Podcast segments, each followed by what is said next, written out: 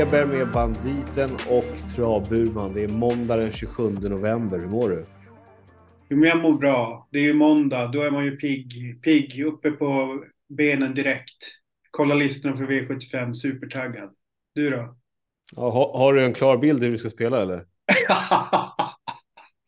ja, jag hoppas jag håller fast vid den bara ja, nej, men nej, jag vet inte. Jag, jag, tycker listorna ser intressanta ut, men det är ju det här med barfota-grejen. Eh, så där har vi ju klassiker att jag kommer antagligen överanalysera det där för mycket.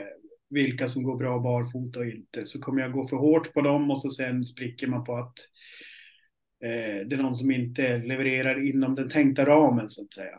Mm. Ja, jag vaknar upp med blodad tand lite grann. Jag tycker att ja. jag har varit nära nu. Igår var det nära igen med fyra hästar i sista och har eh, två och en halv gånger sju rätt. Det, hade liksom, det var inga stora pengar, men det hade ändå liksom spelat in eh, x antal tusen. Det hade behövts att vara där och hugga. Det är... Ja, jag tror den här veckan blir bra. Jag ska fan sätta den idag. Eh, jag ska gå för stora pengar på onsdag. Jag funderar på att åka till Valla på onsdag. Vad ska du göra då? Jag undrar om jag kommer in. Vi får se. Beror på vilken ja, vi får se. Jag vet inte fan om jag åker ut, men. Um, hur, alltså igår, jag var ju inte insatt i GS75 överhuvudtaget. Den här som vann, vad, vad var det? Var det din första reserv eller vad, vad hade, du, vad hade du den på ranken? Nej, jag har väl mer än på 7-8 hästar. Onödigt. Ja, okay. Man, jag insåg efteråt när jag, när jag rök på den, det gav ändå 34 000 igår. Ja det hade ju ändå gett ett, ett bra, ah, det är nästan uppe på 100 000. Mm. Och det talar jag om för mig direkt så här, fan ha fler hästar i sista loppet. Det är där pengarna fördelas. Det är så jävla onödigt att överleva fram till sista och sitta snålt. Det är så jävla dumt är det. Ja, fast jag, jag håller faktiskt inte med dig riktigt där. Alltså grejen är ju att det är många omgångar också där du där, där liksom betrodda, säger att någon av de tre mest spelade faktiskt vinner i sista. Det är ju bara att ta V75. När, när du, du och Mamsi satte ju lördags. Mm. Då löste den ju det, vad heter det, den som blev favorit till slut där. Mm, med ett fitt hår ja. Ja, men skitsamma. Men jag menar, säg att, säg att det är en sån omgång att du har, att du har maxklaff på de, fyr, på de sex första loppen. Då ger det också bra. Mm. Men visst, visst, spontant håller jag med dig att det är, det är skönare att sitta med väldigt många streck i sista. Så är det ju. Ja, eller det, alltså värdet kan ju vara som det var inför igår, 1400 kronor mm. eh, i sjätte. Och ändå ge alltså över ja, ja. 200 000 på någon Absolut. häst. Och då, det är liksom, det är galet att det kan ju ge det, men sen, sannolikheten är ju mindre. Skitsamma. Eh, det är spännande vecka. Du var lite förbannad på TV12-studion där, eller? ja, alltså det var, det var lite sjukt. Jag, jag hade ju varit väldigt offentlig med mina tankar om att jag tänkte att okej, okay, Four Guys Dream är liksom eh, Alltså det är den som ska torska mot Kentucky River, inte tvärtom. Och eh, jag måste ju säga att studion gjorde ju ett jävla bra jobb på att sälja in eh, eh, Kentucky River. Alltså nu höll jag fast vid mina tankar, men det var fan alltså, det var inte lätt alltså när både både Ny, Nybrink och Sandra stod, stod mer eller mindre bara berätta hur jävla klar Kentucky River var och hur mycket, hur mycket han skulle vinna med, handlade det mer om. Och nu, nu trendar, jag, tro, jag tror sluttrenden var att Kentucky River trendade uppåt också. Och när de pratade de pratar liksom knappt om motbud överhuvudtaget i TV12-studion, utan det handlar bara om, om huruvida det eventuellt skulle krångla och inte skulle hinna fram snarare än att någon annan skulle vinna rätt och slätt mot honom. Eh, nu, nu var ju loppet, eh, nu, nu var ju inte Kentucky River kanske som bäst i loppet, men samtidigt så om man, om man utgår till hur han faktiskt var senast så är det väl inte jätteförvånande. Men jag själv kommer nog fan börja Eh, filtrera bort liven rätt, eller tv-sändningen rätt hårt. För det är så förbannat få gånger jag har haft, fått ut någonting av det. Alltså där man faktiskt har gått plus i infon så att säga. På det som man får med sig där. Oftast blir det ju snarare det här att, att man får, eh, man får spiktorsk liksom och tänker att hur fan ska det här gå helt plötsligt. Ja, alltså det är en fin balans i det där. Så kan man ju säga så att antingen kommer information från de aktiva eh, mm. strax in på start. Och sen finns det ju de här stolp, stolparna på ATG Live eller i tv som pratar utifrån sin egen agenda. Så är det ju också. Och de är ju också ganska duktiga på ibland att här är det väldigt skrällvänligt. Och så vill de ju nästan att Sverige ska gardera det här loppet. Mm, exakt. Eh, så att, men det, det, får nybörjarna, de får väl gå på de misstagen. Vi har ju lärt oss över tid också. Det jag funderar på det är ju om du hade lyssnat på, på liven eller eh, inför första eftersom du hade spik i första på femman där som jag även var inne på tidigt i veckan. Men när Flemming Jensen är ju supertydlig med att nu ska det bombas till spets och sen ska jag köra där hela vägen in i mål. Så var det ju lite grann så där. Ibland så tar sig inte en häst till spets automatiskt bara, utan de kör sig till spets. Och precis så var det ju här. Here's Johnny Socks tar ju ledningen med Erik Adelsson. Och det var ju inte så att det gick fort för att ta sig till spets, men hästjäveln bara trycker, trycker, trycker. Och Erik har väl, han är väl livrädd för att göra bort sig, så han släpper det till slut. En sån här klassisk eh, Colgjini-grej, men just det där uttalandet innan att jag kommer köra mig till spets och sen så kommer jag gå där hela vägen så, så långt det går. Det var för mig var det ganska avgörande kring hur jag tänkte nu valde jag inte att, redigera om något system och spika där, men hade jag gjort det med den informationen så var det ju inte Nybrink som sa det, utan det var ju faktiskt Flemming själv. Så. Jo, men sen är det ju så här att när Untersteiners häst drar en brasa innan bilen ens har släppt, två andra hästar drar också startbrasor. Mm.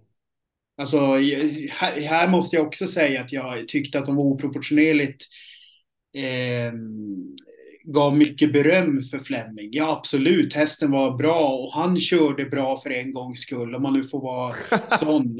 Alltså, menar, han kör, det är så här, han kör ju så här en gång var tionde år. Jag vet inte, i och för sig gjorde han det när, när du satte din GS. Ja, det gjorde han. Var en så här klinisk styrning ja, också? Ja. Okej, okay. han kanske Ja, då vet man hur det blir och nu kommer jag sträcka honom då i år utan att han vinner. Nej, men skitsamma. Alltså, det var en jättebra prestation, absolut. Men samtidigt kände jag lite så här, när, när, när det har gått 50 meter och tre hästar har galopperat, då, då känner man så här, bara, ja, fan, kanske hade det varit lite, lite roligt om travet införde en sån här grej, att det blir omstart om så pass många galopperar liksom eller någonting. Men samtidigt, det är ju spel på hästar och skit liksom, så att eh, du vet vad du behöver. Du behöver ha helgarderat till lopp 1, 2, 3 på lördag så du får hänga med lite. Du får leva inför fjärde. Nej, nej, nej, alltså så, så, så död kommer jag aldrig bli inombords att jag, att jag gör ett tv-system. Okej, okay. hörru, vi går vidare. Yes. Du var ju så jävla förbannad på Orlando Viva också. Det är ganska kul att det alltid är att du är sur på måndagar, men låt oss. Vad är du så sur på nu då? Jo, nej men det, alltså den här är väl ändå lite så här att jag får ta, ta på mig läro, läropengshatten, men jag har en brasklapp som vanligt kring det. I alla fall så var det då Orlando Viva gick ut som stor favorit på lunchen på Romme. Trendar också tok uppåt. Och det har väl då med att Lövdahl står och säger att, att den här gången så är det enklare, enklare mot än sist. Och så sitter jag och kollar då på loppet innan. Eh, då ska vi se här. För, alltså föregående start när hästen blir trea. Då möter den alltså bara eh, treåriga ston i en spårtrappa och där den då har spår åtta för att den vill ha tjäna mest. Men det var ju liksom inget stort spann. Det var ju 10 000 till 190 000 intjänat. Fem av de här hästarna har inte tjänat 100 000. Det tycker han är hårdare motstånd mot det han mötte i fredags då, som, som i slutändan då är eh, vi ska se, är då ston som har ehm, som har tjänat Alltså det är ingen, ålders, ingen åldersindelning utan de är alltså de har alltså tjänat eh, upp till 230 000. Så att det här är alltså 3 till 5-åringar och så sen några 6 sexåringar. Och visst, jag köper att över fem år kanske det inte liksom är de hårdaste, hårdaste hästarna om de har tjänat så här lite pengar. Men jag måste säga att det blev nog ändå en, en, eh, en ögonöppnare för att Lövdahl stod ju och sa så här, både i intervjun efteråt också, intervjun före och efter loppet så lyfte han fram det här hela tiden.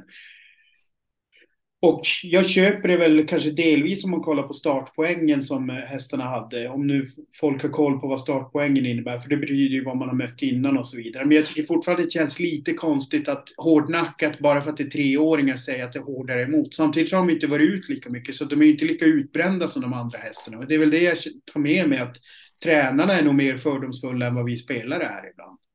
Ja. När det gäller motstånd. Men det, ro det roliga var ju ändå att du garderade Orlando Viva och Orlando Viva vann. Eller hur? Jo, absolut. jo, ja, ja, fast, fast här, här var så här, okej, okay, så här. Innan så tänkte jag ju fortfarande, okej, okay, han går ju, han går ju upp i klass. Men sen, sen, sen då när han står och envis säger i vinnarintervjun efteråt också, står och säger, ja men hon gick ju, gick ju ner i klass nu. Det var ju då jag började kolla närmare på det igen. Så att, så att jag tycker ändå så här, när jag gick in i omgången så var det ändå så här, ja men han går ju upp i klass liksom. Sen ska man ju inte luras heller, alltså Lövdal är ju ingen Örjan. När, när Lövdal vinner ett lopp, då, då kör han ju ofta liksom max med dem. Så att det ser ju oftast lite bättre ut än vad det är också kanske. Beroende på hur man ser på det. Alltså Örjan kanske har fel. Det kanske är fel att sitta, sitta med allt sparat hela tiden. Men Lövdahl kör ju inte så. Han är ju mer som Lugauer. Han drar ju ifrån liksom. Hela vägen. Ja. Skönt att du fick ur det systemet. Ska du lägga yes. det åt sidan. Du, Färjestad har brunnit. Ja. Det är väl en fantastisk nyhet, är det inte?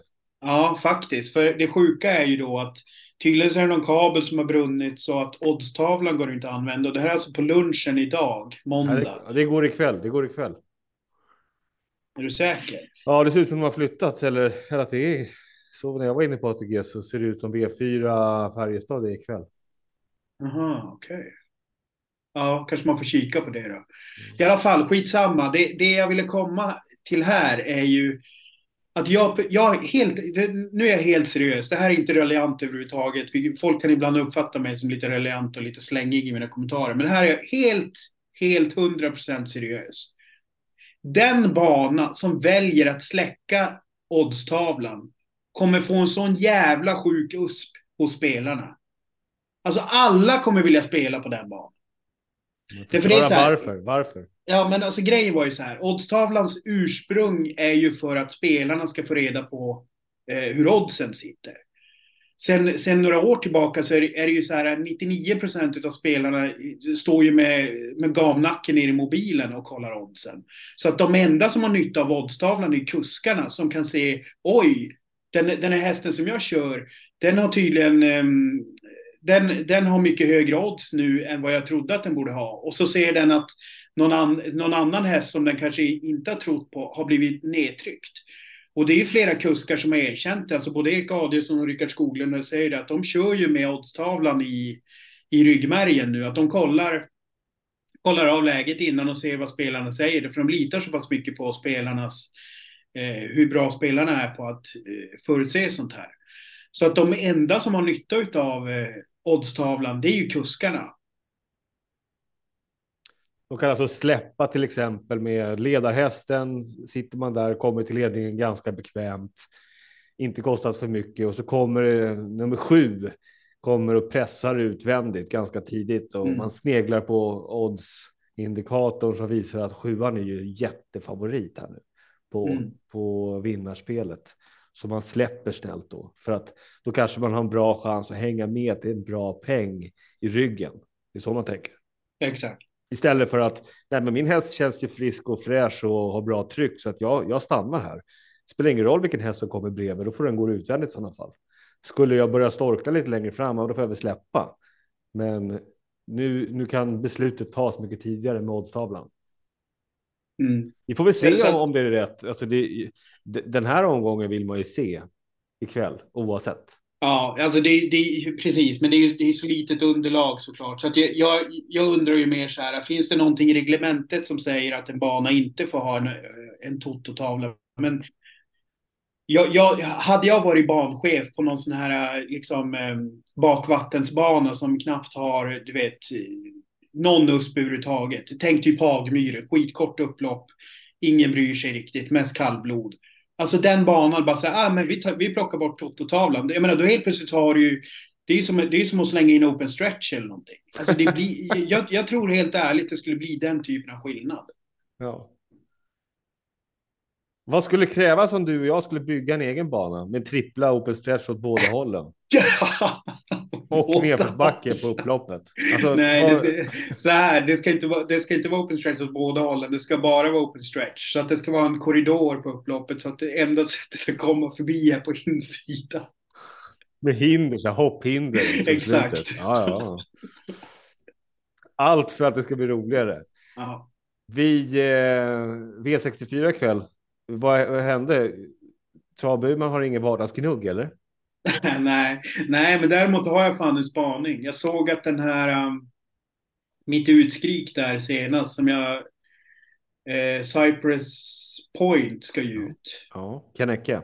Ja, sist jag, sist jag kollade procenten igår, då var den inte så hårt spelad, men det kanske är så att skriket kommer idag istället. Eller? 10 procent. Nog, fan, nog, nog fan ska väl, ja, okej, okay, då har den gått upp. Den stod i fem igår. Jag menar, nog borde den väl stå sig hyfsat bra även här va? Ja, det tror jag. Det var ju liksom inget, det var ju inget så här eh, vika in, vika in åren i tryck senast direkt, kan man säga. Nej. Den, eh, med Malmqvist och Kennecke bricka 1 får ju i alla fall en fin resa där framme. Frågan mm. är hur mycket man kör från början. Exakt. Eh, jag har en liten spaning som jag tycker är intressant i femte. Det är väl där de lite mer betrodda hästarna går ut. Pastore Bob varit med i Elitloppet och här har de ju alla. Alla är miljonärer hela gänget och vi har en brakfavorit i Joakim Lövgrens Lady Beluga 58 procent. Eh, tycker att det är lite intressant på två hästar bakom. Får jag, får jag gissa? Mm. Red Mile Brodde? Nej. Aha, jag säger dina. Ja, men den, är, den är bra och det, jag, jag köper ju det. Den skulle kunna häxa för Lady Beluga att den, den uh, håller upp ledningen. Mm. Eh, om inte annat så släpper man så, så kan man ju spela plats på det. Men jag tror inte oddsen blir så roligt. Jag, jag, tycker spaningen är ju, om man tittar på helheten i loppet så är det 1640 meter. Eh, det är en jävla massa startkanoner. Eh, jag tror att det kommer laddas eh, från alla möjliga håll. Charlie Brown, Sweetman, Husseboko, Baron Gift. Ja, kanske. Det är kanske lite väl långt ut. Jag tror ju att den som kan få loppet är den hästen som har två, två lopp i kroppen. Verkar ha fått form. Jag går på mina danskar. Vi pratade Flemming innan så du måste börja spela igen. Stenhjul med Festival of Speed. Eh, den är bara spelat till 11 procent. Om det behöver pace så tror jag att man flyger fram, skulle kunna vinna loppet.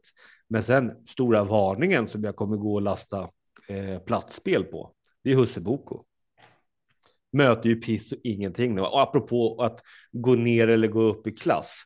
Har varit ute i de tre senaste loppen. Senast mötte man Ultion Face, That's So Cool, Unico Broline, Clickbait.